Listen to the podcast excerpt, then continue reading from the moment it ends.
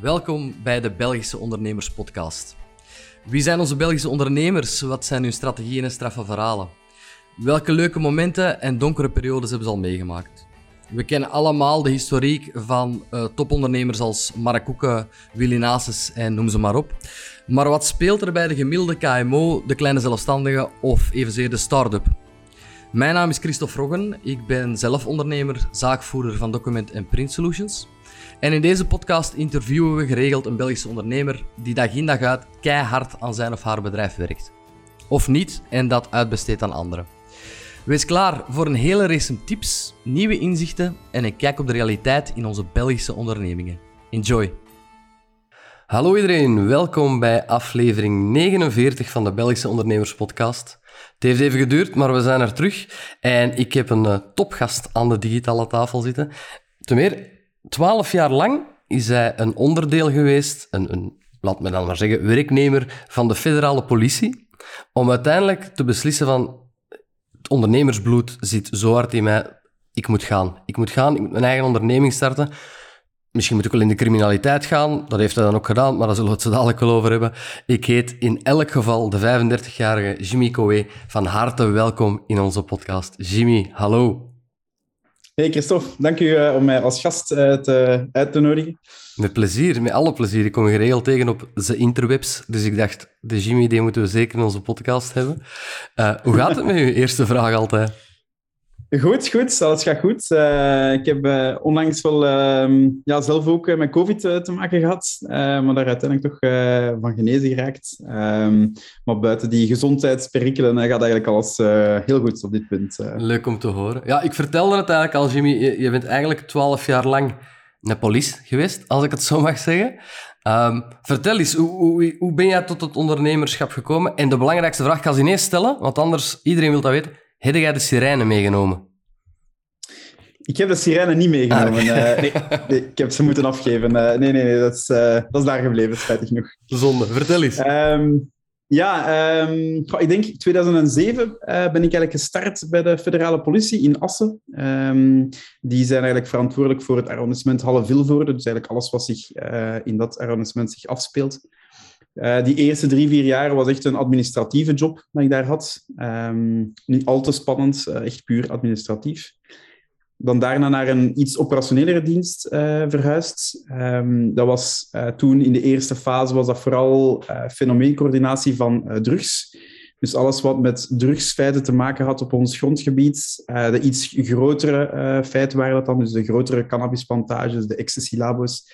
Uh, dat eigenlijk in kaart brengen en daar um, ja, wat extra analyses rond, rond doen. Um, dat heb ik een aantal jaren gedaan. En dan uiteindelijk bij de dienst gerechtelijk onderzoeken terechtgekomen. En dat was eigenlijk de dienst die waar alle informatie over alle gerechtelijke onderzoeken die gedaan werden op ons grondgebied verzameld werden. En wij moesten er eigenlijk voor zorgen dat al die informatie bij de juiste diensten dan terechtkwam, dat er zeker geen informatie verloren ging. Uh, en ook zien dat we eventueel wat extra informatie konden uh, aanbieden aan de rechercheurs uh, om hun zaak of hun onderzoek te, te verstevigen of, of in de goede richting uit te laten wijzen. Um, maar dat was een beetje van alles. Hè. Dat was van allerlei niches. Hè. Dus dat was mensenhandel, mensensmokkel, uh, drugs ook, uh, terrorisme. Um, ja, voor ieder wat wils. Uh, dus ehm, dat was heel uiteenlopend eigenlijk. Is het erg dat mij dat superleuk lijkt? ja, dat is, dat is, dat is wel... Ja, het is, het, is, het is inderdaad leuk. Het is altijd een beetje gevoelig hè, over zo'n materie. Ja. dat hebben we nu ook al gemerkt in ons bedrijf. maar het is vooral... Um, ja, het, het, spreekt wel aan. Mensen zijn geïntegreerd. Ja, wat, hoe kom je eigenlijk zo ver op een bepaalde misdaad, of een bepaalde misdrijf te gaan plegen? Hoe kom je in zo'n milieu terecht? Um, ja, mensen zijn daardoor wel geïntegreerd, geïnteresseerd eigenlijk. Um, dus dus uh, ja, ik vond het eigenlijk ook wel heel leuk, leuk om, om te doen. Um. Oké, ja, dat kan ik me voorstellen. Nu, ik, ik zeg het net in de inleiding. Misschien ben je wel naar de criminaliteit overgestapt. Natuurlijk genuanceerd, dat is niet letterlijk zo. Maar uw bedrijf Crimibox is daaruit wel ontstaan. Ja, klopt. Ik had in 2000, dus 2007 gestart bij de, bij de politie. in 2010 heb ik toen met mijn partner een, uh, een cateringbedrijf ook opgestart. Um, dat waren eigenlijk mijn eerste stappen in het ondernemerschap. Dat was eigenlijk uh, heel, heel simpel begonnen. Hè. Dat was ontbijt aan huis voor particulieren. Heel kleinschalig. Een aantal uh, leveringen, bestellingen per weekend. Oké. Okay. Um, na twee, drie jaar um, heb ik mij iets meer gaan verdiepen in online marketing.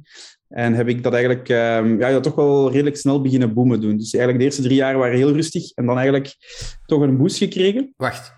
Dat is heel belangrijk al om te weten, hè, want we zijn met voor ondernemers aan het praten, maar ook beginnende ondernemers en, en studentondernemers. Je bent je gaan verdiepen als, in zaken zelfstudie dan online marketing. En ja. er is een boost gekomen. Wat zijn twee, drie key points die jij hebt veranderd, waardoor dat die boost er kwam? Heb jij, ben je aan de gevangenis gaan leveren? Heb je er een vuil in de pistolees gestoken? Of, of heeft het puur met Facebook en dergelijke te maken?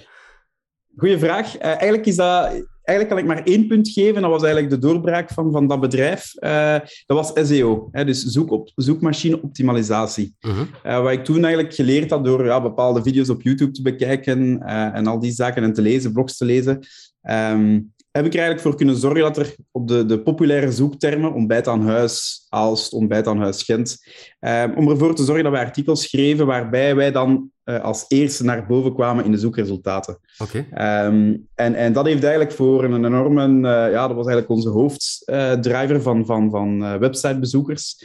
en relevante websitebezoekers. Hè. Iemand die ontbijt aan huis Gent in gaat typen, ja, die heeft echt wel de intentie om, om een ontbijt aan huis in Gent te willen laten leveren, of, of cadeau te doen tenminste.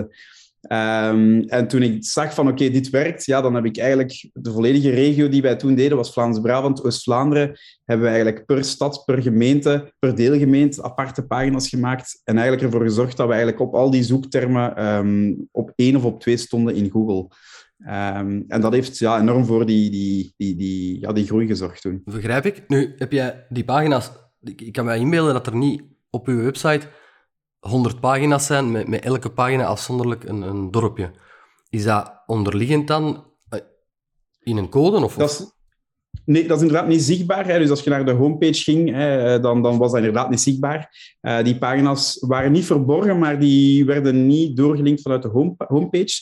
Uh, maar effectief wel, er waren effectief per stad, per gemeente, had ik aparte pagina's aangemaakt, apart geschreven.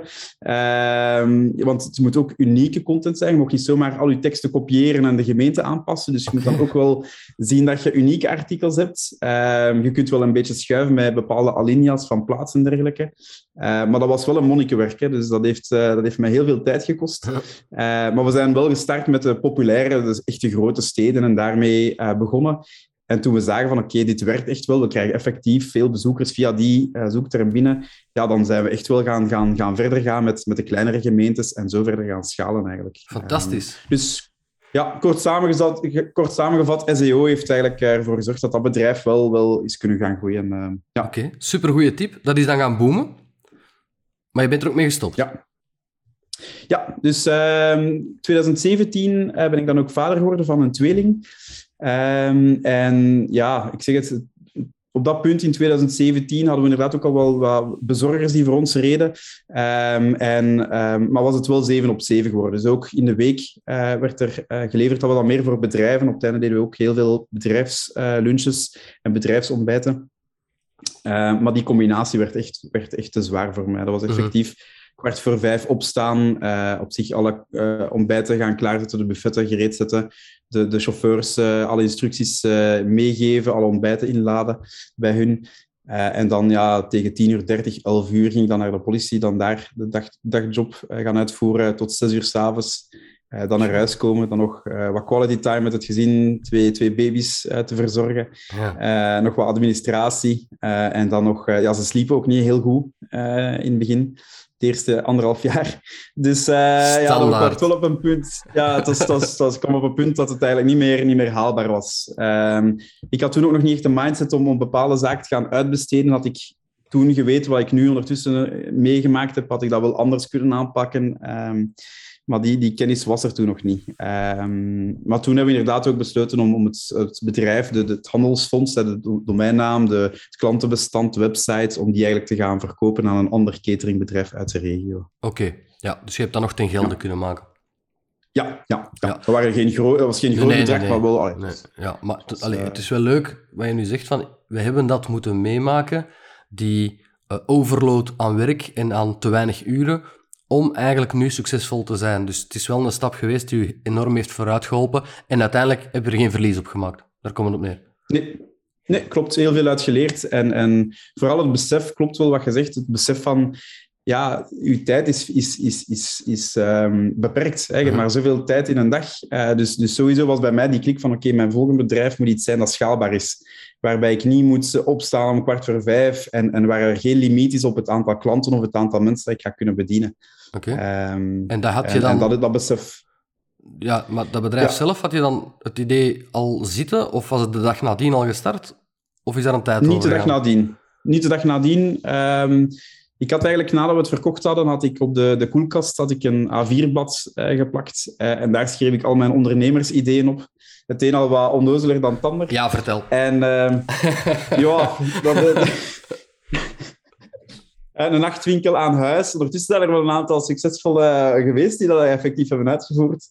Uh, tot, tot, een, uh, ja, tot, tot bepaalde niche webshops die ik in gedachten had. Okay. Uh, maar toen ook effectief wel het idee van, oké, okay, ja, het idee van Crimibox. Hè, dus dus onopgeloste moordzaken um, ja, laten opsturen naar mensen thuis en dat ze eigenlijk een onderzoek gaan moeten voeren.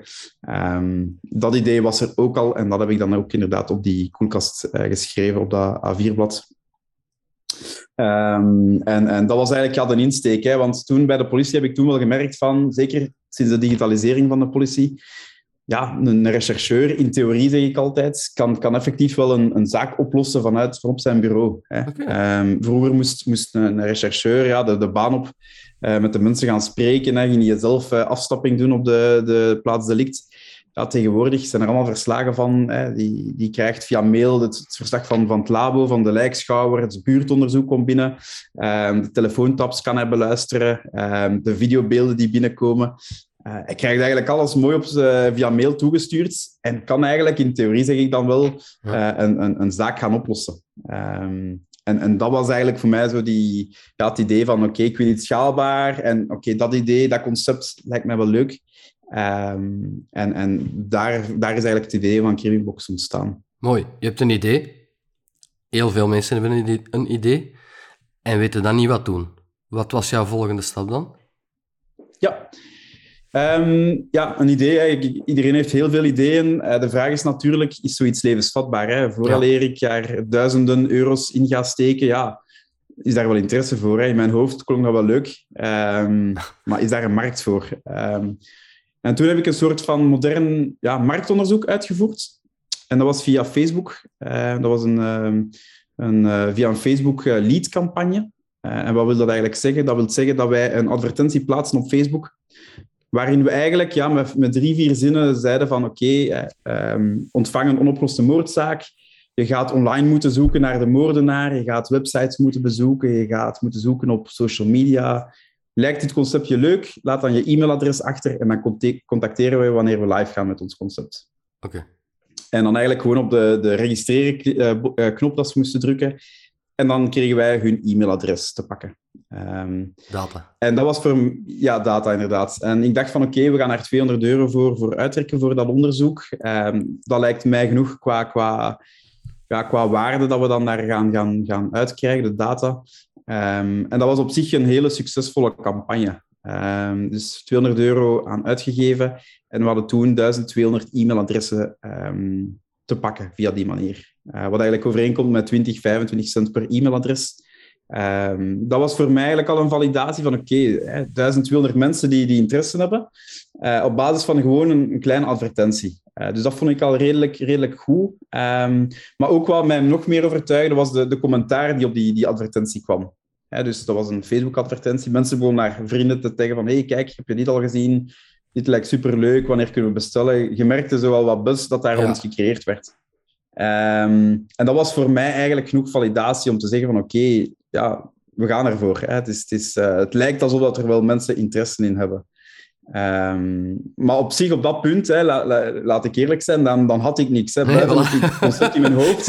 Ik had niks. Hè. Ik heb nog nooit een spel gemaakt. Ik heb nog nooit... Uh, ja, ik had niks. Dus uh, dan was het effectief, na die, na die validatie, was het oké, okay, nu aan de slag. Hè. Nu moeten we wel een product gaan maken, een spel gaan maken dat, uh, dat ook wel ja, kwalitatief is en dat mensen ook graag gaan spelen. Um, En ja, dat was, dat was inderdaad ook niet zo heel makkelijk om daar aan te, aan te beginnen. Ehm, er waren een aantal zaken waar ik wel zeker van was. Er zijn heel veel spellen, er zijn heel veel bordspellen. Om echt ja, toch, toch door te breken was het belangrijk dat we iets uniek hadden. Dat we iets anders deden dan, dan de competitie, hè, dan de Cluedo of, of de bordspellen effectief. Ja. Um, dus dus mijn, allee, onze insteek was vooral van, um, we gaan zien dat dat levens echt gaat overkomen. Hè? Um, dat de mensen gaan twijfelen. Uh, interactief ook, maar ook levensecht. Hè? Dus okay. het idee was van, we gaan een doos opsturen. Dat zag er echt wel een, een, een brakke doos uit. Hè? Echt een, Sorry. Een, een, witte archiefdoos. Ik ja. zie een doodskist met een lijk in. ja. maar dat is het nee, niet. Nee, nee, nee, nee. Een gewone witte archiefdoos Mhm. uh, met wel ons logo op. Uh, je doet dat dan open en dan effectief ja, was dat een, een politiedossier. Um, maar daar was niks fancy aan, niks, niks, um, dat was niet afgelikt. Dat was echt puur uit, de kopie, uit het kopieapparaat, gelijk bij de politie ook effectief aan toe gaat. Hè. Cool. Uh, foto's die erbij gestoken werden, um, zakjes met bewijsmateriaal, al die zaken. En nergens een handleiding of nergens dobbelstenen, hè, nergens iets in plastiekjes of zo. Nee, echt ja, zodat je het zou krijgen als je bij de politie werkt en er wordt een dossier op je bureau gesmeten zo zag dat eruit. Echt levensecht. Um, geen handleiding, geen, geen zeggen, zeggen van oké, okay, je moet hiermee starten, niks. Uh, gewoon het, het, politieverslag. En daar zaten dan wel bepaalde uh, zaken in waarmee ze dan wel aan de slag konden. Hè. Er werd sprake van, van, bij ons eerste dossier was er sprake van camerabeelden die van een bepaalde website konden opgevraagd worden. Dat was dan meestal de eerste stap dat ze dan moesten gaan ondernemen. Um, maar dat was het idee. Hè. En ook het feit, inderdaad, gelijk geaanhaald, interactief. Um, ook ja, het, het, leek mij heel leuk om ervoor te zorgen dat de personages, de verdachten in het verhaal, in het dossier, dat die ook echt bestaan. Hè. Daarmee echt bedoel ik, ja, die hebben een Instagram-profiel, die hebben ja. uh, een Facebook-profiel, die hebben een gsm-nummer, uh, um, bepaalde zelfstandigen die ook voorkwamen in dat dossier, die hebben een website waar je naartoe kunt surfen, oh, met een super. contactformulier. Um, en dat inderdaad, die combinatie, die levensechtheid en ook het interactief dat je online moet speuren, dat was voor mij wel het idee van, oké, okay, dit wil ik gaan, gaan, gaan bouwen, dit wil ik gaan, gaan maken. Uh, en leek mij genoeg, ja, toch wel vernieuwend om, om daarmee aan de slag te gaan. En met die pitch heb je mij nu al overtuigd van zoiets te bestellen. het is ah, echt... Kijk, het is echt... ja, wat een fantastisch idee. Maar, en hoe mooi uitgewerkt ook. Ik mag even vragen misschien, ja. maar ik, ik, ik vermoed van niet, maar dat is toch niet gebaseerd op cases die jij zelf bent tegengekomen? Nee, nee, nee, dat zou deontologisch uh, niet Oké. verantwoord zijn. Nee, nee, nee, nee. Wel bepaalde onderzoekszaken, uh, onderzoeksdaden die gebeuren, Ja. hoe een telefoontap, allee, zo die zaken. Ja, het, het is echt wel hoe een, een echt dossier uh, te werk kan gaan. Ehm, dus dat wel. Hè, maar uiteraard, de feiten zijn, zijn fictief. Ehm, maar het voelt echt wel uit levensecht aan. eh, ja. Ja, maar je bedacht het zelf. Ehm, je begint het dan uit te werken. Je hebt 1200 e-mailadressen ongeveer. En het moment dat er, weet ik veel, hoeveel klaar zijn, stuur je die mail naar die 1200 adressen en je zegt, go. Dat is de prijs, je Ja. kan nu bestellen. En? Ja, ah, wel, ik weet dat nog heel goed. Dat was dus uh, op 1 juni 2017 had ik uh, de webshop ook gemaakt ondertussen. Uh, ook via YouTube geleerd hoe maak je een webshop en al die zaken. Ja. Um, en op 1 juni hebben we dan de mail uitgestuurd van te zeggen van kijk, uh, hier is de link naar de webshop. ons eerste dossier, ons eerste spel waar je al enkele maanden van geho geleden gehoord had, is nu te koop. Um, let wel op, je kan het nu bestellen, maar het wordt pas geleverd volgende maand, 1 juli, wordt het pas verzonden een beetje een pre-order systeem. Op die manier, ja, ik, raad het alle ondernemers aan, als dat mogelijk is in het, in het soort bedrijf dat je hebt. Um, als je kunt werken met pre-orders, zeker in die beginfase, als je toch wel uh, elke euro telt, um, is dat heel interessant. He, dan weet je van, oké, okay, er zijn zoveel bestellingen, oké, okay, ik heb zoveel voorraad nodig. En kun je het geld van die pre-orders gebruiken om dat eigenlijk te gaan financieren, voorfinancieren. Ja. Um, dus dat was eigenlijk het idee erachter. Een maand later dat effectief de eerste boxen dan verzonden werden. En effectief, dus uh, 1 juni 2017 om 18 uur uh, werd de, de mailing dan uitgestuurd van hey, we zijn live. Um, ik herinner me nog heel goed, was via Mailchimp. Uh, en dan effectief, uh, ik denk om 18 uur, 20 uur 30 hadden we onze eerste 100 klanten binnen. dus puur op basis van die eerste mail dat we uitgestuurd hadden, hadden we onze eerste 100 klanten binnen. Um, dat, was heel, ja, dat was een heel mooi, heel mooi heel mooi, uh, heel mooi uh, ja, herinnering toch wel. Um, omdat je dan effectief ziet van alles waar je aan gedacht had, dat het toch wel genoeg de mensen aantrok om, om effectief een bestelling geld te gaan leggen voor, voor uw idee dat je eigenlijk van nul hebt, hebt opgestart. Uh, en dat was wel een heel mooi moment. Um, het, probleem, het probleem was natuurlijk, hè, um, ik had op voorhand wel al uh, 100 boxen gemaakt. Ik dacht ja. van, 100 lijkt mij mooi. Maar effectief, ja, na, na twee uur later ja, was het al te weinig. Hè. Dus dan in alle rijl nieuwe boxen moeten bestellen en terug beginnen plooien in mijn garage. En, uh, ja, het, was, het, was, uh, het is heel kleinschalig begonnen. Hè. Ik zeg het, in mijn garage dan, hè, dat is dan vol met dozen. En ja, alles kwam daarbij. Dozen plooien, alles gereed maken. Uh, uh, en, en zo is het eigenlijk begonnen. Hè. Dus, en dan 1 juli effectief, hè, de eerste keer naar het postkantoor, kwam ik daar dan toe met denk 400, uh, 400 boxen. Um, hield de madame van de Bipost me al tegen van oei meneer, zoveel kunnen wij niet aanvaarden. Ik zeg oei. Uh, en dan uh, verschillende postkantoren gedaan en overal een stuk gaan afgeven voor te laten verzenden. Ja, ja, ja. Dus ik denk tien, tien verschillende postpunten afge afgegaan om eigenlijk alles te kunnen. Fantastisch. Dat zijn van die, ja, van die beginnersfouten en, en waar je niet aan denkt. Hè. Um, ja, ja, heel kleinschalig. Maar leuk wel, hè. Dat is, uh, ja. Ja, absoluut, absoluut. Zeg, en, en, hoe evolueert dat dan verder? Op welk moment... Die groei zet zich door. Door mond-aan-mond -mond reclame, door advertenties neem ik aan, ook op Facebook en dergelijke. Op welk moment besef je van, ik kan dit niet meer alleen? Ja, um, dat heeft eigenlijk nog anderhalf jaar geduurd. Um, waar dat we wel, ja, we bleven wel, ja, toch wel goed verkopen. Um, tot op het punt dat inderdaad wel... Ik werkte toen ook nog altijd uh, bij de politie toen, deeltijds. ja, die combinatie werd opnieuw terug zwaar. Hè? Dus, -huh. dus, uh, dus ondanks dat ik ze vroeg niet moest opstaan, werden mijn nachten wel langer. Hè? Dus ja. dat was inderdaad niet de bedoeling. Wat er toen gebeurd was, wij hebben ons toen ingeschreven bij het uh, Birdhouse acceleratieprogramma. Okay. Um, dat is een uh, programma voor start-ups, um, uh, waarin dat er eigenlijk een aantal start-ups geselecteerd worden en die dan eigenlijk een programma mogen doorlopen van zes maanden. Ja. en ik weet nog, we hadden ons toen ingeschreven, ik denk dat er meer dan 800 inschrijvingen waren. en dat was inderdaad met een aantal rondes. Hè. Dat was de, de eerste ronde de pitch hè, voor investeerders en mentoren van het Birdhouse-netwerk. Um, dat was de eerste ronde. Als je daar dan doorwaarts, tweede ronde, dat was dan uh, speed dating. Hè. Dan moest je aan tafel gaan zitten met mentoren en, en mensen van Birdhouse, je idee nog eens uitleggen en zij konden dan echt gerichte vragen stellen. Uh, en dan de laatste fase was dan uh, nogmaals pitchen. En dat effectief doorlopen. En uiteindelijk ja, bij de laatste 15 geraakt. Hè. Dus we waren bij de, de gelukkigen die het programma mochten gaan volgen. En ik herinner mij nog perfect het uh, telefoontje. Ik zat toen bij de politie en uh, ja, die, die pitches waren achter de rug. En uh, ik, kreeg een telefoontje van Birdhouse van, ah, kijk, um, je bent geselecteerd. Hè, van alle, alle kandidaten hè, zet je geselecteerd. En uh, volgende maand begint het programma voor jullie. en um, voilà. En ik leg de telefoon neer en uh, ik zeg ja, oké, okay, goed. En ik sta recht en ik ga naar de, de bureau van mijn commissaris. En uh, ik zeg van uh, ja, ik ga, ik ga ermee stoppen. en dat was eigenlijk het moment, het moment van mijn fulltime carrière als ondernemer. Wow. was ja, een grote is, stap. Ja, dat is inderdaad een hele grote stap. Heb jij, mag, ik weet niet of ik het zo mag vragen, maar het is misschien wel belangrijk om te weten voor iedereen. Heb jij bepaalde valkuilen ondergaan met die start van het anderhalf jaar, eerste anderhalf jaar, of met, vanaf het moment dat je ontslag hebt genomen, zaken die, die eigenlijk helemaal fout zijn gelopen. Ik wil niet de negatieve toer op gaan, ik wil gewoon eens kijken of er valkuilen zijn die we anderen kunnen doen vermijden. Ja, heel veel val valkuilen. Hè. Dat is, uh, ik denk dat uh, elke, elke dag wel valkuilen en elke dag dingen die we verkeerd deden. Uh, maar de belangrijkste voor ons was ja, um, een van de grote fouten die we toch gemaakt hebben, um, was, was een heel specifiek voorbeeld dat ik ga aanhalen. Uh, ons tweede dossier. Um, ja, op zich, ja, we bedachten allemaal, we bedachten allemaal zelf.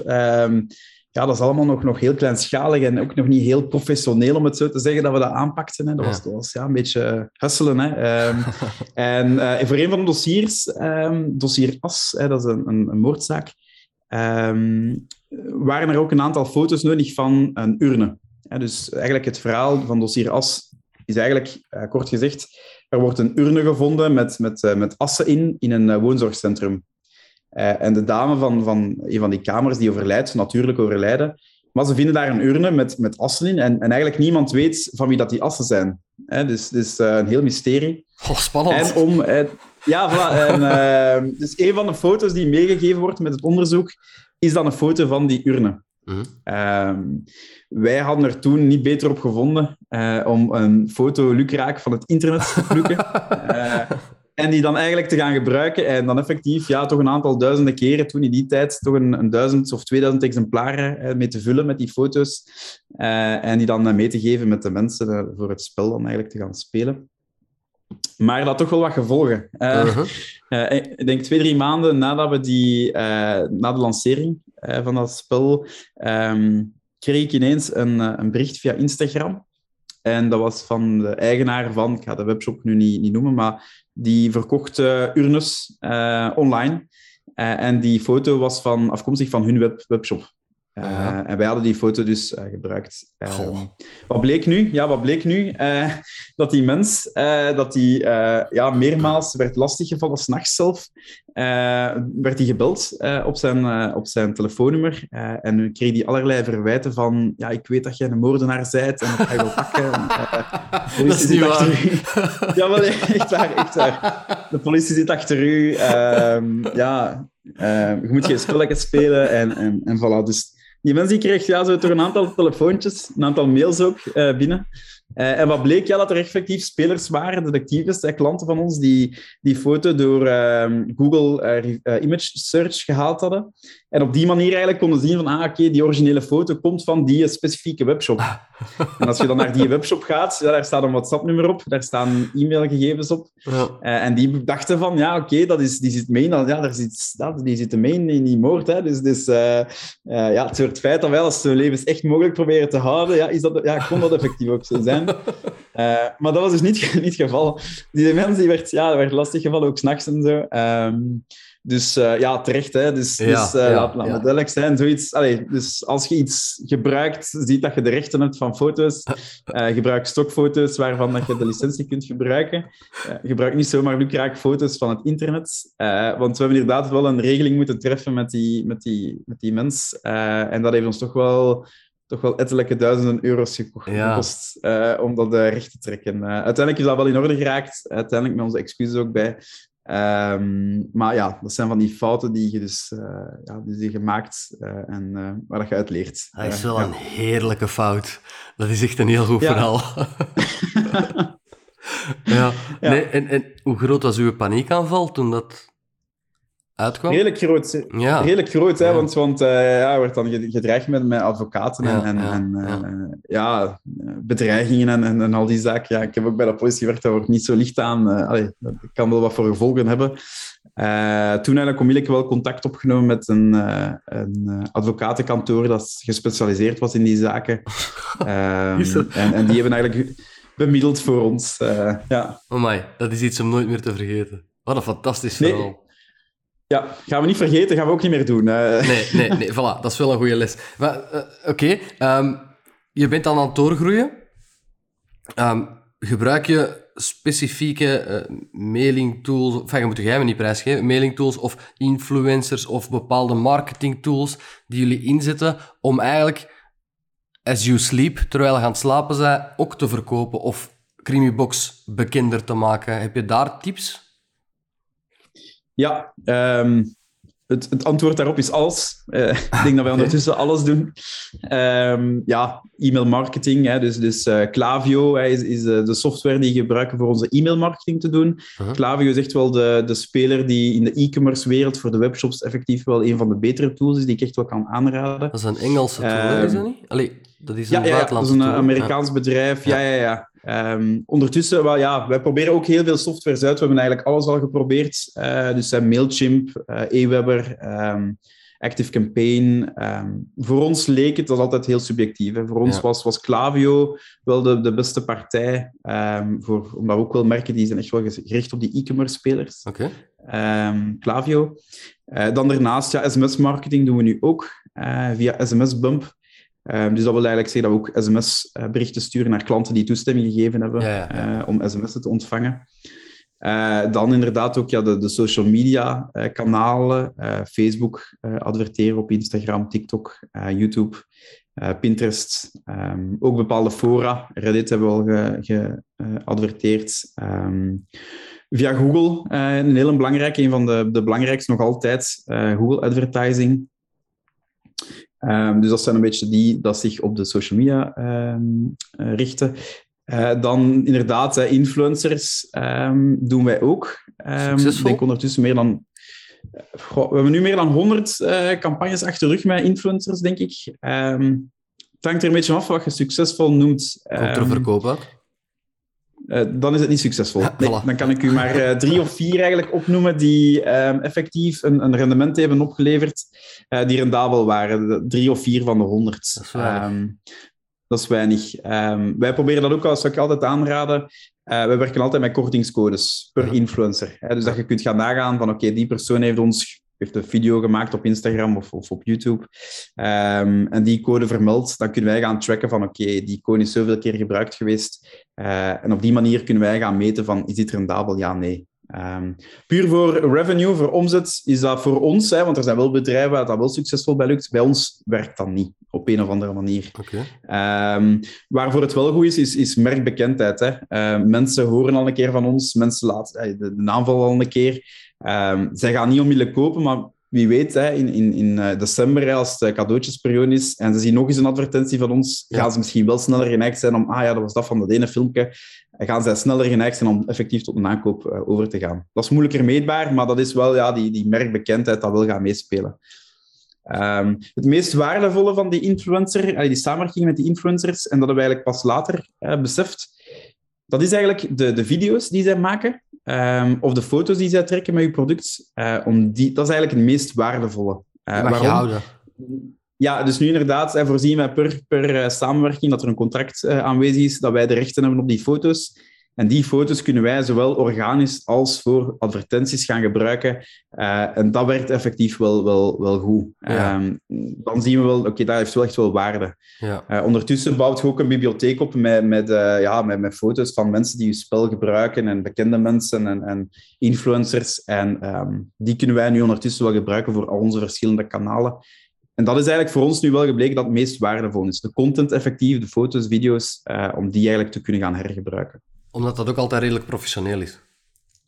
Ja, pas op. Um, professioneel voor de, de bekendere, de BV's of zo, die, die, dat zijn meestal inderdaad wel meer echt professionele foto's. Uh, maar wat wel belangrijk is, de, de best converterende advertenties, de advertenties die het meeste uh, bestellingen opleveren, dat zijn meestal de advertenties, de foto's die eruit zien alsof ze door ja, uh, met, echt, met een, een, oude camera gemaakt worden vanuit een rare hoek. Ja. Uh, maar dat maakt het effectief wel zo ja, authentiek. Ja, uh, en die foto's, die advertenties, die werken nog altijd het beste. Hè? Dus uh, niet altijd de meest afgelikte foto's leveren het beste rendement op. Het zijn soms echt zo de rare foto's vanuit een rare hoek, dat effectief de aandacht trekken van de mensen en dan effectief ja, ze, ze verder leiden naar onze website. Um, dus klinkt, dat. Klinkt wel alsof je daar een heel groot marketingbudget tegenover zet. Alles bijgenomen. Nu wel, hè? nu wel, inderdaad. Uh, in, het begin, hè, in het begin hadden wij toen, ja, met de start, hadden wij 5 euro uh, per campagne op Facebook. Hè. Ik denk dat wij 20 euro per dag uh, deden aan online marketing. Um, ja, dat groeit. Hè. Uiteindelijk ja. nu zitten we inderdaad ja, rond, rond de 1000 euro per dag dat we spenderen aan, aan digital wow. marketing, aan advertenties. Um, maar dat is ook ja, gestaag gegroeid, uiteraard. Hè. Ja, ja oké. Okay. Ik moet even is... in perspectief plaatsen. Jullie draaien nu een jaaromzet van meer dan een miljoen, toch? Hè? Ja, ja, vorig jaar 1,2 vorig jaar. Zotjes, ja. hè? Ja. Crimineel Ja, dat had ik ook toen... Ja, ik had er ook niet, uh, niet, uh, niet gedacht natuurlijk. Hè. Toen ik daar in het begin in mijn garage doos zat te plooien, uh, dat was nu niet, inderdaad niet... de, ja, allez, ik had nooit gedacht dat we zo ver zouden geraken met een ja, spel, om het zo te zeggen. Hè. Ja. Nee. Top. maar dan misschien om, om verder te gaan, ja. ook een belangrijke, denk ik. Hè, omdat je vraagt van wat zijn de, de beste manieren dat wij aan, aan marketing doen. Um, dat is in uw sector eigenlijk, hè, dat is uh, podcasts. Um, wij waren toen denk ik een van de eerste, denk ik, die echt ging adverteren in podcasts. Ah. Um, wat bedoelen we daarmee? Wij betalen een podcast uh, x aantal euro uh, voor een pre-roll. dat betekent, als je je podcast start, dat je zegt van, ah, kijk, welkom bij de, deze podcast. Uh, deze podcast is in samenwerking met Crimibox. Zij maken en verkopen onoploste moordzaken. Um, bekijk zeker hun website een keer, crimibox.com, en gebruik onze kortingscode XXX. Maar, ik wist uh, helemaal dat ik deze podcast mocht factureren. Maar wat... Fantastisch. Bedankt, Jimmy. alsjeblieft, alsjeblieft. Zeg, en, en werkte dat? Ja, wel, dat, dat is echt ongelooflijk. Echt? Uh, ik ben er altijd heel enthousiast. Uh, ik word er altijd heel enthousiast van als ik daar mag vertellen. Maar uh, ja, we hebben daar toch wel bepaalde, toch wel serieuze, ja, toch wel serieuze, goede samenwerkingen mee achter de rug. Um, Oké. Okay. ik, ga, ik, ga, ik ga een voorbeeld geven. Ik ga nu geen specifieke namen noemen. Dat mag hoor. Maar waarbij we, ja, um, maar Allee, ik van mij, daar inderdaad. Ja, voilà. ja, ja.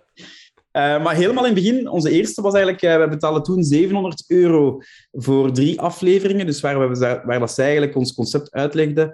Uh, dat was 20 seconden per aflevering, dus drie keer 700 euro. En die samenwerking alleen heeft meer dan 16.000 euro aan omzet opgebracht voor ons. Dat is al toch een hele gekende Ja. podcast. Ik, ik sta open voor samenwerkingen, Jimmy, maar ik heb maar drie Ja. luisteraars. Eh, op zich was dat, was, dat, was dat niet een hele grote toen, eh, maar dat was wel een hele niche. Dus eh, de Ja. meeste waarin we adverteren zijn true crime podcasts. Ja, de podcasts waarin echte misdaden besproken worden. Ja, ja, ja. Ehm, dus een heel gericht publiek. Ehm, en ja, dat was fantastisch. Hè? Allee, ik, heb, ik heb ondertussen al heel veel campagnes op alle media gedaan. Maar zo'n return dat is toch wel redelijk uitzonderlijk gebleken. Dat is een keigoeie tip. Ja, ja, ik zou zeker aanraden. Hè, denk zeker na. Zijn er podcasts in uw niche, B2B, SaaS, eh, eh, retail, winkels? Zijn er, zijn er podcasts in dat thema? Of, of, of waar uw klanten zijn? Luisteren zij naar bepaalde podcasts? Ja, overweeg dat zeker een keer, van, van ergens een spotje te gaan, te gaan inhuren. Ehm, ja, probeer, zeker proberen. Eh, ik zeg niet dat dat automatisch gaat werken. Bij ons heeft dat enorm goed gewerkt en werkt nog steeds goed. Ehm, ondertussen ja, beginnen die, die podcasts natuurlijk wel hun waarde te kennen. Dus hè, voor zo'n spotje hè, waarvan ik sprak, hè, was het toen 700 euro voor drie. Ondertussen zijn de prijzen wel, wel maal vier, maal vijf gegaan. Hè, dat vragen. Dus, dus ja, ja, ja, ja, Wat ja, zit ik ja, hier eigenlijk te doen? Eh, als je, dus je betaalt nu voor drie afleveringen drie keer 20 seconden. Dus voor een minuut betaal jij 2500 euro. Dus, ja, ja, tussen de 2 en de 4000 euro eh, voor een aantal Tussen afleveringen. de 2 en de 4000. Hey, ik doe dat voor drie, hè? Ja. dat is geen probleem. Hè? ja. Ja, dat is straf. Dat, ik wist niet dat daar... eh, Want ik luister ook heel veel podcasts. En ik moet eerlijk bekennen... Ik, onlangs heb ik die van Ryan Serhant, eh, IMO in Amerika, eh, los daarvan. Ah, ja, ja, ken ik. Ja. Ja, die Ja. doen zo de, de miljonair listing. En ik had er een paar keer naar geluisterd. Voilà, ik had er een paar keer naar geluisterd en daar komt te veel reclame in. Ik ben daarmee gestopt. Dat is echt niet leuk. Maar aan het begin van een aflevering heb ik nog nooit gehoord in een Belgische podcast, die ik beluister dan natuurlijk. Hè. Nog nooit gehoord. Ja. Nee, bij ons, eh, ik zeg het, ondertussen gaan tien of, of, of ja, tien podcasts ondertussen. ehm, maar effectief altijd over true crime. Ja, dat is inderdaad nog geen van true crime. Ik denk dat we op alle meest bekende true crime podcasts eh, wel geweest zijn ondertussen. Super. Eh, dus heel niche wel, hè. Eh, maar dat werkt, ja, supergoed. Pas op, ik vertel nu een, succesverhaal. En de meeste, eh, pakt, pakt negen van die, die tien samenwerkingen, waren heel succesvol. Ehm, er was er eentje bij die, die minder succesvol was, waar we wel ons broek eh, aan gescheurd hebben. Ja. Eh, ik denk dat we toen, ja, we werden wat overmoedig en we dachten van, nee, het kan niet op. En, en, en eh, verschillende podcasts tegelijk gaan co- contacteren. Eh, En toen ook een, een Nederlandse podcast over misdaad gecontacteerd. Ehm, die mensen hadden wel direct een stevige prijs. Dat was effectief toen 4000 euro voor drie eh, afleveringen. Eh, en dat effectief heeft eh, 120 euro aan omzet eh, opgeleverd. Ja. Eh, dus eh, er zijn ook altijd... eh, ja, het, het probleem hebben we dan een beetje geanalyseerd. Waarom werkte dat daar minder? Ehm, dat was een iets ja, een zakelijkere aanpak. Hè. Dat ging meer over de feiten van een misdaad. Dat waren ook twee heren die het heel formeel aanpakten. Ja, ja. eh, Heel professioneel. Ehm, terwijl ja, Beetje, wij zijn ja. een ludiek product. Ehm, Ja. We hebben een beetje ja, leuke dames, heren hoor, die, die een beetje los vertellen en een leuke persoonlijkheid hebben. En, Ja. en het ja, een beetje op een andere manier aanpakken als, als iets serieuzer. Eh, en eh, dat was een beetje een mismatch toen. Dat is in 49 afleveringen de eerste keer dat ik die type hoor, Jimmy. Ja. Nu, ik, eh, als ik even een intermezzo mag, beste luisteraar, kijker, dit is een B2B-podcast. Ik geef het maar even mee. Hè. Ah ja, maar dat lijkt mij zeer interessant. Hè? Als je weet dat er ondernemers naar uw Mhm. podcast luisteren, eh, dat lijkt mij zeker interessant voor, voor een, eh, een Odoo of een, eh, ja, of bepaalde softwareaanbieders. Of, Ja? of, eh, Stuurt ze maar ah door. ja, je, je, je zit, je zit rechtstreeks in je doelgroep. Dat is, dat is eigenlijk, eh, ja... eh, zeker ook, ja, het podcast-genre is aan het boomen. Hè. Ik denk, alle ondernemers die ik ken, die luisteren ook ja, dagelijks naar podcasts. Hè. Eh, en niet alleen ondernemers, maar ook gewoon ja, mijn, mijn vriendin of, of partner die naar, naar Chuka een podcast luistert. Eh, ja, dat is eh, booming business aan het worden. Dat klopt inderdaad. Nu, ik zelf, ik ben niet zo bezig met statistieken en hoeveel luisteraars en hoeveel... Ik, ik volg dat niet op. Ook omdat ik niet weet waar ik dat overal moet zoeken. Maar ik, ik doe dit gewoon voor, om zelf bij te leren. Wat je mij nu heel hard aan het, aan het gunnen bent. Ehm, maar ik heb nog nooit een euro verdiend aan de podcast. En dat was nooit niet nodig, totdat jij net die zin zei van je kunt 4000 euro verdienen. dus daar gaan we over nadenken. Bon, we gaan verder, Jimmy, want de mensen zijn wel beu voor ik, eh, voor ik iets gefactureerd heb. Zeg, oké, dus eh podcasts, dat was voor u een heel goed medium. Je hebt nu een heel groot marketingbudget. Ehm, wat, hoe zien jouw dagen er nu uit? Want het zal wel terug ongelooflijk druk zijn voor u. Ehm, hoe, ja, vanaf dat jij opstaat tot dat jij gaat slapen, hoe ziet jouw gemiddelde dag eruit? Dat zal wel variabel zijn, maar zo gemiddeld. Als ondernemer. Ja, goh, in de beginfase, hè, ja, dan, dan doe je alles. Hè, gelijk ik zei, ja, dan, dan gaat dat van, van administratie tot, tot de boekhouding, tot, tot eh, de dozen plooien, tot naar het postkantoor rijden met je auto. eh, dan doe je alles. Ehm, nu, ja, nu zijn we inderdaad in een fase gekomen dat ik, dat ik eh, de luxe heb om, om bepaalde zaken... We zijn nu met een team van, van zeven mensen eh, in, in, op de payroll. eh, om bepaalde zaken toch wel uit te besteden aan mensen die veel meer kennis en veel beter zijn in hetgeen dat ze doen dan, dan ik. Hè. Ja. Ik ben, ik ben niet uitzonderlijk goed in iets speciaal hè, in bepaalde materie. Ik ben gemiddeld overal. Ik ken van alles een beetje iets. Eh, dus ik heb er wel voor gezorgd dat ik, dat ik mensen zocht die, die ja, excelleerden in bepaalde zaken. En heb ik eigenlijk heel veel kunnen gaan uitbesteden. Ehm, dat, is, dat is wel heel belangrijk geweest ehm, voor de groei ook. Hè. Dus eh, ehm, er zijn heel veel ondernemers die graag alles over in controle houden. Ik heb heel, allez, de mindset om heel makkelijk zaken te gaan uitbesteden. Mhm. Uh, dus concreet, ja, mijn, mijn, mijn dag is, is voornamelijk ja, nog wat business development, opportuniteiten zoeken. Ja, bijvoorbeeld uh, samenwerkingen met, met uitgeverijen die we nu afgesloten hebben. Um, kijken hoe gaan we in de retail geraken. Uh, expansie naar het buitenland. Um, de licentie voor onze spellen die ondertussen verkocht is, uh, om daar ook wat partners voor te zoeken. Um, al die zaken eigenlijk. Okay. Maar praktische, praktische zaken in het bedrijf probeer ik nu wel meer en meer af te staan. Ja. Dus ja. jij bent eigenlijk echt op de baan om die naamsbekendheid te vergroten en die sales uit te bouwen? Op de baan niet. Enfin, ja. uh, dat is dan uh, achter de computer, ja, maar wat meetings en, en, en zo die zaken. eh, ook gewoon ja, nieuwe ideeën bedenken en... en Um, meeste van mijn collega's dan wel lastig vallen van oké, okay, kunnen we dit niet doen? Of, of wat denk je daarvan? Zo die ja. zaken. De mensen wel lastig vallen, dat is een beetje mijn taak geworden. Oké, okay. uh, ja, heel leuk. um, je sprak daar net al, het podcast in Nederland was wat tegenvallen. Je zegt het nu weer, internationaal. Zijn er plannen om, want dit is een product, ja, als je dat in het Engels vertaalt, ben je niet gewoon vertrokken? Ja, um, we hebben eigenlijk twee, twee, twee plannen, twee, twee zaken met, met het uh, internationaliseren hè, van Cremiebox. Uh, enerzijds hebben we, zoals ik zei, de licentie verkocht voor onze spellen. Um, wat bedoel ik daarmee? Uh, aan een uitgeverij verkocht. Zij hebben eigenlijk alle toegang tot de gamefiles. Hè, dus alle bestanden van onze spellen hebben zij toegang tot. En hebben zij het recht om te gaan vertalen in een aantal talen. Ze hebben nu licentie voor het Spaans, Duits, Frans, uh, Poos ook sinds vorige maand en Chinees. Uh, zij oh, ja. mogen dat eigenlijk in die talen gaan, gaan vertalen en ook gaan wereldwijd gaan, gaan verkopen. En wij krijgen daar x aantal procent commissie op, op ah, die ja, verkoop. Okay. Ja. ja. Um, dus dat enerzijds. dan anderzijds is het Nederlands en het Engels nog altijd in onze handen. Dat gaat in onze handen blijven. En inderdaad, de, Engelse taal um, ja, is, is voor ons. En daar zijn we nu wel stappen aan het zetten om, eerst te gaan kijken in de UK in het Verenigd Koninkrijk, om daarmee te gaan starten met onze populairste moordzaken hier, om die te gaan vertalen en ook wel te gaan versturen, allee, daar ook met een, een, warne, een warehouse te gaan samenwerken uh, en daar dan ook effectief mee te gaan starten om de verkoop in de UK daar te gaan opzetten. Dat is nu ongoing? Ja, dat is ongoing. Hè. Dus we hebben ons, ons BTW-nummer nu in de UK te pakken. We hebben nu een, een fulfillmentbedrijf, dus een logistieke partner waar onze, onze box naartoe kunnen gaan en die van daaruit verzonden kunnen worden naar, naar ah, de, de klanten in de UK. Uh, die systemen zijn we nu effectief uh, op dag op vandaag uh, mee bezig aan het opzetten. Um, om dan eigenlijk een grote launch te gaan, te gaan houden en daar effectief ja, ook te gaan knallen. Hè. Ja. Super spannend ook weer. Ja. Ga je dan zelf naar de UK? Persoonlijk? Oh, nee, eigenlijk niet. Uh, ik krijg die vraag regelmatig, maar op zich in deze tijd kunnen we eigenlijk alles van op afstand uh, regelen. Hè. Ik denk dat COVID daar een grote uh, rol heeft gespeeld. Ja. alle gesprekken met die fulfillmentbedrijven is via, via Zoom gebeurd. Um, op zich ook, ja, hè, het adverteren hè, is, is eigenlijk... Ik maak het nu heel simpel, maar is ook gewoon in Facebook gewoon zeggen van oké, we willen geen, geen Vlamingen of Nederlands gaan, gaan targeten met onze advertenties, maar echt puur mensen uit de UK.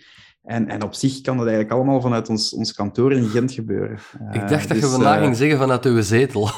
Want uiteindelijk ja, ja nee, klinkt dat het ook. wel. Dat ook. uh, kun je wel een relaxed enkel, job?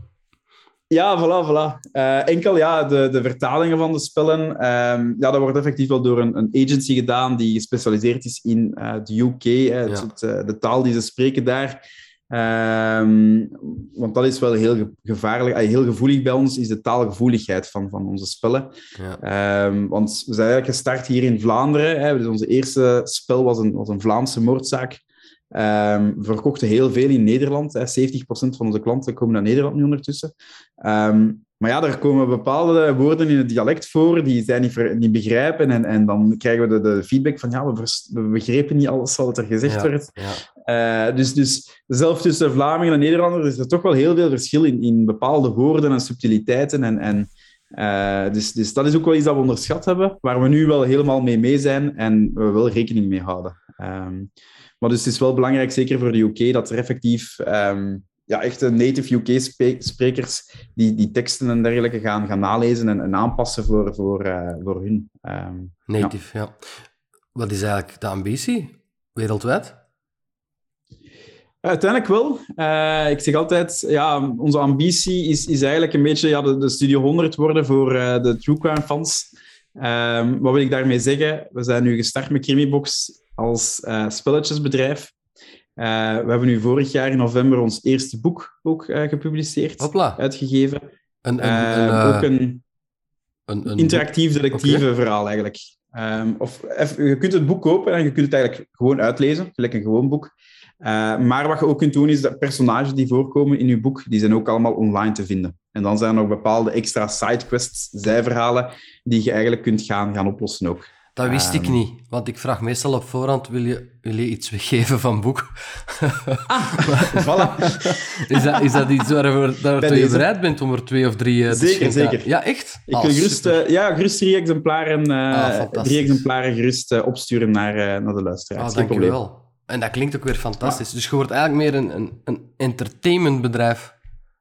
Ja, klopt. Dat is een beetje de insteek. we gaan ook een rebranding ondergaan, iets later op het jaar. Um, waarbij we inderdaad dus meer willen gaan profileren als uh, ja, de speler in misdaad entertainment. dus uh, ik spreek dan over boeken, spellen, uh, fysieke locaties. We zijn ook bezig met een soort escape room te gaan opstarten in okay. Gent. Um, waarbij je niet moet ontsnappen uit een kamer, maar je wel een, een lijk gaat zien liggen in een kamer. En oh. dat je eigenlijk moet gaan achterhalen wie is het lijk en wie heeft, het, wie heeft hem vermoord en waarom. Cool. dus dat concept eigenlijk. En zo, zo en, en al die dingen die al bestaan? Ja, dat zijn, dat, zijn, ja, ja, dat zijn ook zaken die we uitzonderlijk wel nu uitvoeren, waar we ook wel um, ook nog af en toe mee bezig zijn. Dus dat valt er ook onder. Um, een podcast gaan we nu ook uitbrengen over misdaad. Okay. Uh, en dan uiteindelijk ja, een eigen serie uh, zou leuk zijn en een eigen pretpark, uiteraard. Uh, ja, ja, misdaad, uiteraard. Ja, klein ding. Dat zijn natuurlijk toekomst, dat zijn, dat zijn toekomstplannen natuurlijk. ja. Ik ben keihard jaloers op uw hoe moet ik het zeggen, uw, uw level van plezier dat jij in je job kan hebben. Alles wat jij zegt klinkt fantastisch om te doen. Je hebt echt een niche gevonden die superleuk lijkt. Dat is ja. gezonde jaloezie, ja, ja, dat, is, dat is, geen afgunst. Hè? Ja, ja, ja, ja, nee. ja, nee, dat is wel. Hè. Ik denk dat uh, ja, het, is, het is wel, wel leuk. Hè. Uh, proberen ook ja, met de collega's. Ja, het is, het is uh, we proberen vooral een fun bedrijf te zijn. Hè. Eh, bij ons is eigenlijk niet echt iets, niks te serieus bij ons. Hè. Dus uh, alles met een kwinkslag en, en ehm, ja, wel, wel ambitie en ervoor gaan. Uh, maar toch, ja, alles een beetje relativeren en, en fun hebben terwijl we aan het, aan het, ondernemen en aan het werken zijn. Ik denk dat dat heel belangrijk is bij ons. Dat is ook de reden dat je zo succesvol bent waarschijnlijk. Zeg, um, ik ja. ga de vraag moeten stellen. Je zult al gekregen hebben, sorry daarvoor, maar uh, VR, AR, alles wat nu aan het ontwikkelen is, de metaverse, hoe ver sta je daarin? Niet ver. Uh, we zijn er wel, ja, we, we, weten, we zijn er wel mee bezig. Hè. In, in een van onze dossiers bijvoorbeeld werken we wel aan een 360-omgeving, waarbij dat je dan effectief kunt gaan, een eigen bureau, dat je kunt rondkijken, bepaalde dingen vastpakken. Uh, we zijn nu ook aan het kijken uh, in een van onze fysieke locaties bijvoorbeeld, om daar met AR te gaan werken of met VR, dat we eventueel een kamer volledig in VR zouden kunnen gaan inrichten. Uh, dat zijn pistes die we aan het bekijken zijn, eh, waar we nog niet echt concreet mee verder zijn. Het is heel moeilijk voor ons, allee, voor mij, eh, om, om focus te houden. Ja, en dat is een ja. van mijn valkuilen focus is, is de moeilijke. Uh, ja. ik, heb, ja, ik zie overal opportuniteiten en concepten en ideeën. Uh, ze moeten mij soms wel tegenhouden om, om, om ja, toch wel die focus te behouden. Dus, uh, ja, dus, dus we, we, zijn ermee bezig. Zeker ik in mijn achterhoofd heb wel wat ideeën. Ehm, maar dat zal voor een later stadium wel, wel zijn. Ook prijzig, hè? Nog steeds? Ja, ja. ja. ja, ja, ja, ja. Okay. Ja, zodra je inderdaad werkt met nieuwe technologieën, kan er inderdaad wel een prijskaartje bij. Zeker in deze fase, zeker de metaverse bijvoorbeeld, die nog in kinderschoenen staat. Ja. ja om daarvoor iets te gaan ontwikkelen, ja, dat gaat inderdaad wel, wel serieus wat kosten. Uh, dus ja. uh, dat ook, ja. Maar wel spannende vooruitzicht. Ik kijk al naar dat themapark, naar dat pretpark. Zeg Jimmy, um, een vraag die je misschien minder krijgt. Leef jij gezond? Doe jij bepaalde zaken uh, om gezond te blijven of om te ontspannen? Dat mag zelfs één vraag zijn. Leef jij gezond en wat doe je om te ontspannen? Uh, goeie vraag. Um, ik denk, uh, als je dat in mijn omgeving zou vragen, denk ik niet echt dat mensen zouden zeggen dat ik echt gezond leef. Um, ik probeer daar wel aan te werken. Hè. Dus um, uh, ik ben nu ook heel veel vermagerd op korte tijd. maar ik leefde, in, in, in, zeker in die beginfase van Creamybox, was, was heel ongezond. Hè. Dus dat waren, ja, dat waren nachten van, van drie, vier uur. ja, ook in combinatie met die kinderen uiteraard. Ja. ik sliep heel weinig. Ik at ook heel veel ongezond. Uh, onregelmatige uren. Uh, niet goed bezig eigenlijk. Um, nu, nu dat mijn, mijn, ja, ons team wat groter is geworden, heb ik nu ook wel meer tijd, mindset, karakter om, om daaraan te werken. Huh? Uh, nu doe ik inderdaad ook één keer per week ga ik bij een, een personal trainer, okay. die eigenlijk over de straat zit bij ons tegenover het kantoor. Dus heel makkelijk. dat is bij Zweed in Gent. Je moet al niet ver wandelen. nee, nee. Dat... Fantastisch. Ja, ik, ik, ik, ben ook wel... Ja, ik, ik, ben, ik probeer mijn tijd wel heel efficiënt te houden. Ja, dus ik vond dat wel heel, heel, tof, omdat dat, dat dat recht tegenover de straat was. Um, maar daar, allee, fantastisch. Daar uh, worden we dan persoonlijk begeleid. En effectief oefeningen om echt sterker en, en meer ja. conditie en stabiliteit en, en de core en al die zaken worden aan gewerkt. Uh, dat heeft eigenlijk voor mij ook wel veel in gang gezet. Uh, ik ben ook iets meer bezig met mijn voeding. Um, maar uh, ja, ik drink ook nog altijd heel veel Red Bull bijvoorbeeld. Uh, ja? Ik heb ja, nog wel, ja, ja, dat zijn van die zaken die. Uh, ja, er is, nog, er is nog heel veel werk aan op dat gebied. Um, maar daarbuiten, ja, ik speel ook wel regelmatig padel, toch twee à drie keer per week ook. Um, dus, dus sporten, va wel. Ja. Um, maar eten en, en, en die energy drinks, ja, dat is toch nog altijd een, moeilijk verhaal voor mij. Ja. Dat is raar, ik stel deze vraag niet om u te confronteren, maar elke keer lijkt dat zo als iemand daarop antwoordt. ja, ik, vind, ik, vind, ik, ik, ik lust geen Red Bull zonder vodka. Ik vind een rare smaak hebben zonder ja, vodka. Dat is mijn favoriet uh, alcoholisch drankje ook. Hè. Rode vodka met Red Bull. Rode uh, vodka dan hangen. Rode vodka, ja. Ik ben nog wel blijven hangen in uh, begin jaren 2000. Ja. maar dat is nog altijd mijn favoriet drankje. ja. terecht, maar ja, je slaapt weinig daarna. Maar dat deden sowieso al niet, dus... Ja, ja, ik drink ook wel geen koffie of thee. Dus dat is misschien wel eigenlijk qua cafeïne. Dus ja, dat is een beetje mijn cafeïne-shot ook altijd. Ja. ja. Maar op zich valt het allemaal wel mee. Als ik het door doe, er nog redelijk veel om te, te ontspannen. Um, ja. Heb je het gevoel dat je je eigen voorbij loopt soms?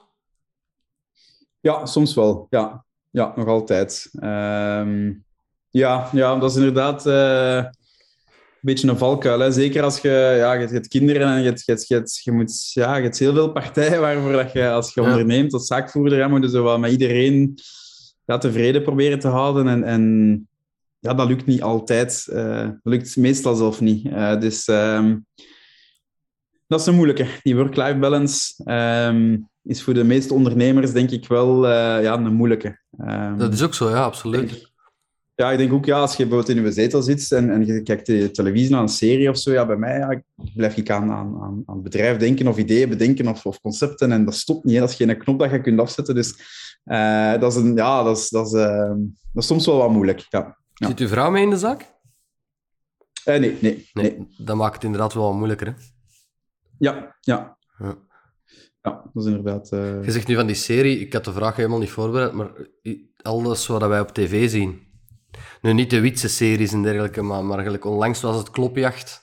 En, en eh, ik heb het even gezien Ja, met Axel. Dazelaar, ja, waar dat ze echt effectief gingen speuren. Ze allemaal wel in scène gezet, zijn daar niet van. Maar die opsporingsmethodes die ze daar gebruikten, is dat wat je ook kan terugvinden in die crimiboxen? Of is dat toch nog allemaal iets, eh laat ons zeggen, eh, minder speciaal en met special effects dan wat het eigenlijk is?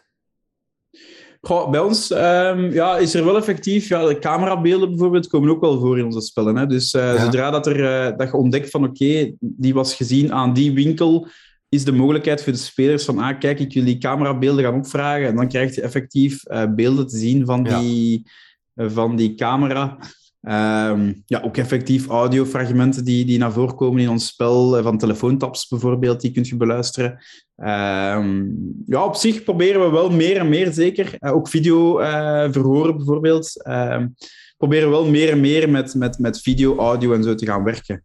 Omdat dat wel de feedback was die we kregen van, van, van bepaalde testgroepen van oké, superleuk spel, maar het is wel veel leeswerk. Ah, ja, ja, Ehm, dus dat er effectief veel moet gelezen worden.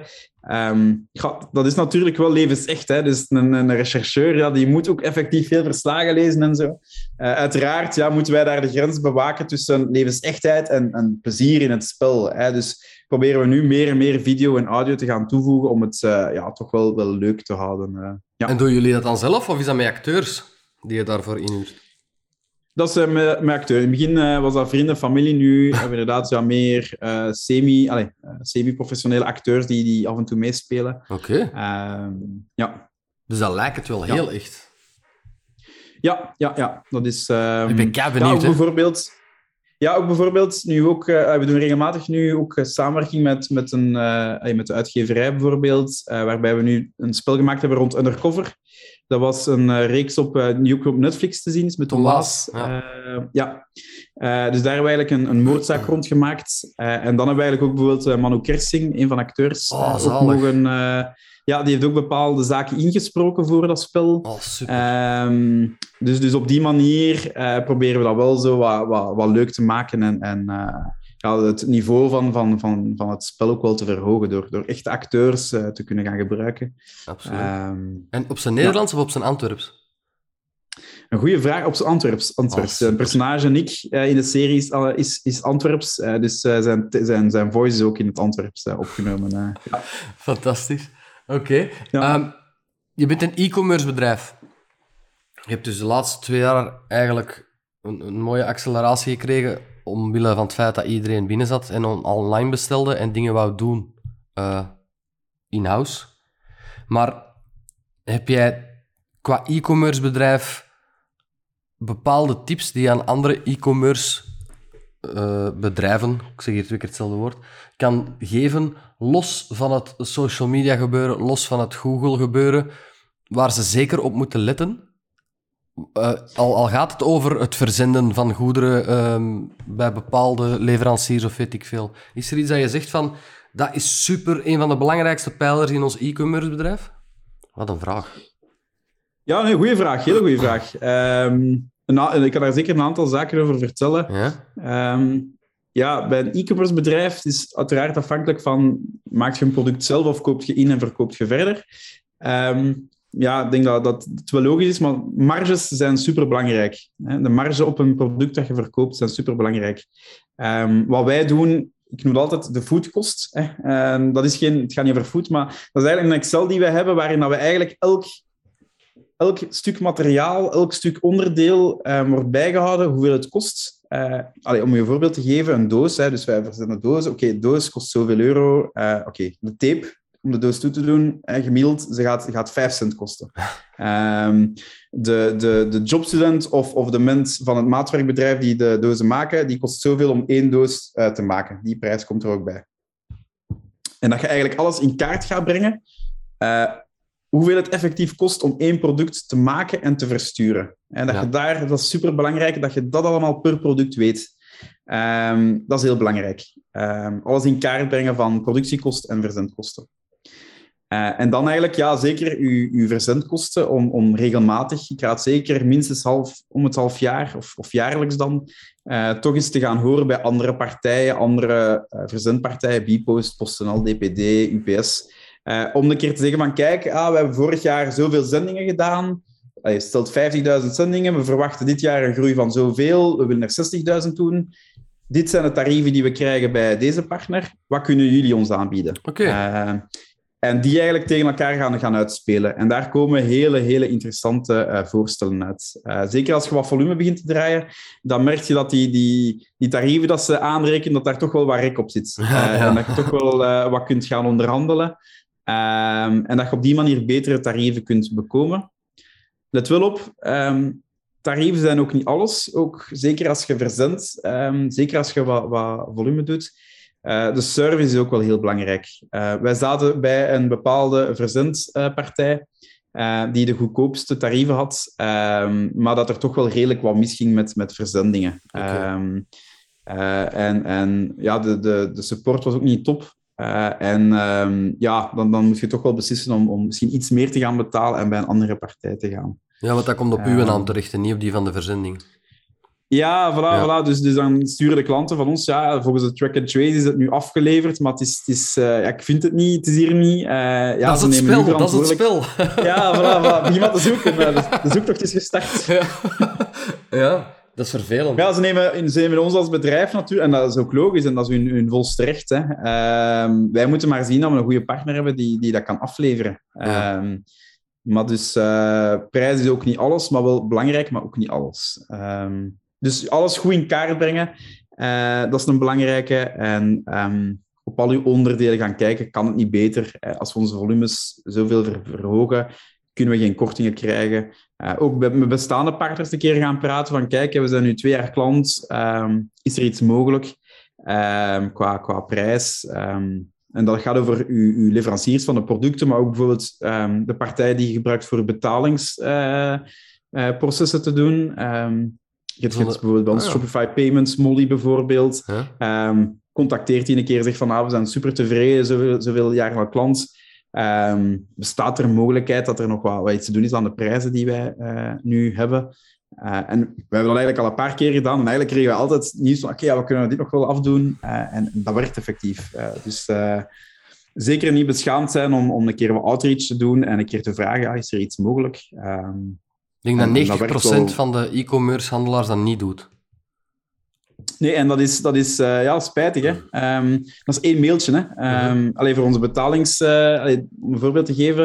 Um, ja, ik had dat ingepland om dat jaarlijks te doen. Ik, ik stuur dat mailtje uit. Twee dagen later hadden we 5 of 10 procent korting op, op al onze transacties. Hè? Dus, dus uh, uh, als je wat volume hebt, ja, dat ja. lijkt weinig, maar als je wat volume draait, dan, dan begint dat wel op te lopen. Dus uh, het zijn van tijd van die kleine zaken die, die wel belangrijk zijn. Um, dus dat zeker doen. Het is natuurlijk wel zo, hè, als je in het begin alles doet, gelijk wij ook waren in de beginfase, ja, je hebt ook niet tijd om alles te gaan regelen en te doen. Uh, dat zijn meestal die zaken die je, die je gaat beginnen uitvoeren als je wat groter wordt. Ja. Um, maar um, ja, marges is toch wel het allerbelangrijkste. Ja, en bij u is dat, als ik me niet vergis, correct me if I'm wrong, je hebt niet concurrentie in uw niche, hè? Of wel? Oh, er, zijn, er zijn drie, vier, ja, drie, drie andere spelers die, die ook ja, moordmysteries maken of echt mysteries uh, maken. Um, die, um, ik denk qua volume, qua verkoop misschien het iets minder doen dan ons. Uh, maar die wel, allee, ja, er, zijn, er zijn concurrenten bij die, die qua kwaliteit, hè, dat is een andere niche wel. Hè, dat gaat dan over, um, over mysteries van in, in de jaren de 17e eeuw of iets dergelijks. Ja. Waarbij dat die wil werken met kisten en, en, en echt supermooi materiaal. Dat is ook een andere prijsklasse. Ehm, maar effectief concurrenten zoals wij het aanpakken, nog niet echt heel veel in Vlaanderen en Nederland. Voilà. Dus eigenlijk mag jij je eigen prijszetting bepalen. En zolang de klanten daarmee akkoord zijn van dat is het effectief waard, kan jij je marge wel heel mooi bewaken. Ik, ga, Ja. ik ga er even een eh, reclame van, 40 van 4000 euro tussen gooien. Ik zit met een, ik zit met een webshop, hè, Ellie Billy, eh, voor sensorisch Ja. speelgoed, educatief speelgoed, sensorisch. Maar daar is zoveel concurrentie in. Ik kan mijn marges niet hoger leggen. Dus ik moet het inderdaad van een inkoop hebben. Want als ik mijn marge te hoog leg, dan gaan ze allemaal naar een andere e-commerce eh, handelaar. Dus daar zit... Ik wil gewoon het verschil even aantonen. Ik heb ondertussen reclame gemaakt, daar niet van. Maar ik wil het verschil even aantonen met, met waar jij je prijs kan bepalen en waar soms plafonds op bepaalde prijzen zitten. En Ja, daarom is uw tip zo, zo van levensbelang van uw inkoopprijzen, heronderhandel die, want daar gaat uw marge maken. Ik denk niet dat er Ja, veel mensen dat doen. helemaal. Nee. Wat ook wel een mogelijkheid is, inderdaad, wat wij ook... Allee, ik heb het er nog niet echt over gehad, maar wat wel een, een, in mijn ogen eigenlijk het, het meest belangrijke onderdeel van Crimebox is, is eh, de community die wij, die wij eh, gemaakt hebben. Eh, dus we hebben een, een hele actieve community op Facebook, met nu meer dan 16.000 mensen in. Dat zijn merendeel klanten. Ehm, en en ehm, als je een product hebt die misschien wat duurder gaat zijn dan concurrenten bijvoorbeeld, Ehm, ja, merk speelt nog altijd mee. Hè. Dus als jij een, een community, een, een merk opbouwt, wat mensen aanspreekt, dan kun je wel een, een, een, een hogere prijs wel verantwoorden. Hè. Allee, ik denk bijvoorbeeld aan Apple, het mooiste Ja, voorbeeld. ja, ja. Ja, je hebt ook een, een, een, een, een, ja, wat is het, een, een, een Sagem of een... een eh, Dat is lang geleden. eh, een- ja, ja, sorry, ik weet niet wat het Dat nog waren die. Coca-Cola gsm's.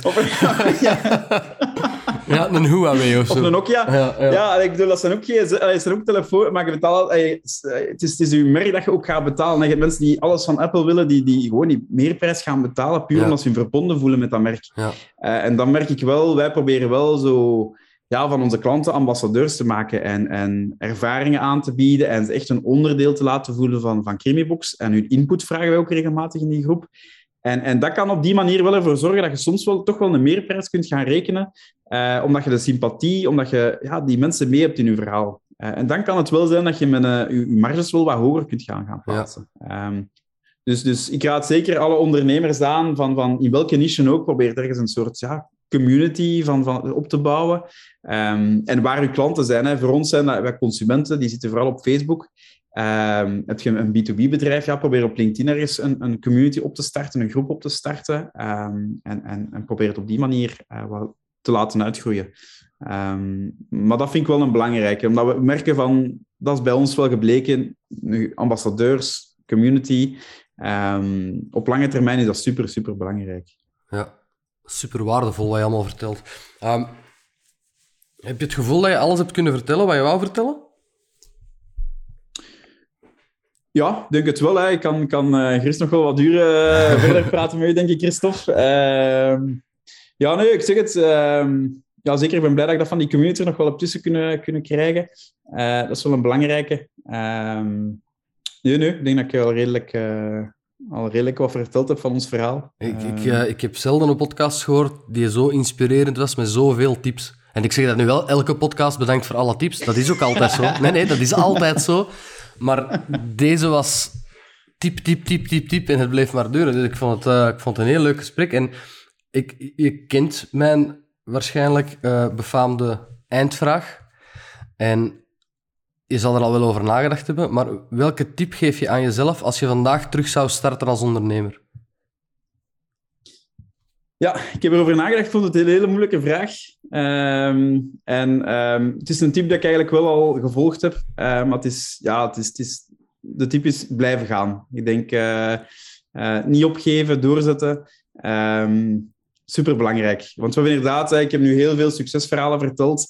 Eh, maar er zijn ook hele diepe dallen geweest. Hè. Dus, dus, eh, ja, dus, dus er, komt, er komt van alles tegen. Hè. Ook inderdaad het verhaal van, de, van die copyright met die foto's bijvoorbeeld. Ja, dat is, dat is, ik vertel dat nu heel ludiek, maar op dat moment was dat wel even verschrikken van Ja. shit en nu. Eh, je komt heel veel zaken tegen dat je denkt van oeh, is het dit allemaal nog wel de moeite waard? Ehm, maar gewoon blijven doorzetten, gewoon blijven gaan. Dat is, dat is super belangrijk. Eh, als je iets wilt bereiken, moet je echt wel, ja, gaat ook wel diepe dallen door moeten. Uh, maar dat hoort erbij. Beetje ondernemen is zo wat de bitcoin van, van werk. Mooie vergelijking. Ja, ja, bedankt. Ja, nee, ik, was, ik weet ook niet waarom ik dat zei. nee, Jimmy, uh, ik, ik, wil jou heel hard bedanken uh, voor je waardevolle bijdrage. Ik ga uh, heel even afscheid nemen van de, kijk, van de klant, wou ik zeggen, van de kijker en luisteraar. En die kom dadelijk nog even bij je terug. Voilà, iedereen, dank je wel om heel de aflevering uit te luisteren en of te kijken. Ik ben zeker dat jullie heel veel tips kunnen meenemen van het verhaal van Jimmy. Ik hoop dat je het een, eh, een leuk en waardevol verhaal vond. Je kan ons uh, altijd mailen op info.belgischekoppeltekenondernemers.be. Je kan ons volgen op social media uh, Belgische underscore ondernemers. Daar ga je ons vinden op LinkedIn, Facebook, Instagram. Er is een boek uit ondertussen, het DNA van de Belgische ondernemer, te vinden bij de Betere Boekhandel. Je kan een boek winnen van Jimmy, van Crimibox. Uh, hij geeft drie boeken weg. En de manier om die te winnen, dat zal je dan zien als je uh, op Instagram de Belgische ondernemers volgt. Dan ga ik een foto posten van Jimmy en mezelf. En daar zal dan bij staan wat je moet doen om dat boek te kunnen winnen. En ik ben uit de adem, of uit van adem, uitgeblazen, of mijn adem is op. Dus het is, uh, het is tijd om afscheid te nemen. Sinds lange tijd nog eens een podcast. Ik hoop dat jullie het leuk vonden. In elk geval, Jimmy, hartelijk, hartelijk dank om erbij te zijn. Ik vond het heel leuk en ik ben niet aan het overdrijven. Het was heel leuk. En ik hoop uh, dat je nog ja, internationaal mag doorbreken, dat je je miljoen omzet maal zoveel mag zien gaan. Maar vooral, vooral dat je het plezier er zo kan inhouden zoals het nu gaat. Dat, uh, dat wens ik u vooral toe. En ik hoop dat je de podcast ook een beetje leuk vond om te doen, want je hebt er al een paar gedaan. Maar uh, probeer het altijd ja, iets minder zakelijk te maken. Ja, dus dat, dat, ik, allee, ik doe het niet om, uh, maar ik heb het ook in mail gezegd. Hè. Dus, uh, mijn favoriete Belgische podcast. Hè. Dus, uh, ik ben grote fan hoe dat je dat aanpakt, Christophe. Zo heel, heel los, heel, inderdaad, heel ehm, casual. En, en dat zorgt wel voor hele leuke gesprekken. dus ik ben heel, heel trots dat ik gast mocht zijn op je podcast. en dat meen ik. De eer was ons, voor ons. Dank u wel. En iedereen tot een volgende keer.